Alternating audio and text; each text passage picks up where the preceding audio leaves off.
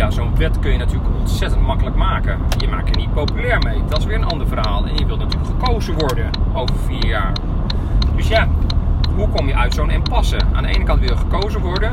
Aan de andere kant moet je allerlei maatregelen nemen die gewoon niet populair zijn, omdat mensen dat in hun portemonnee voelen.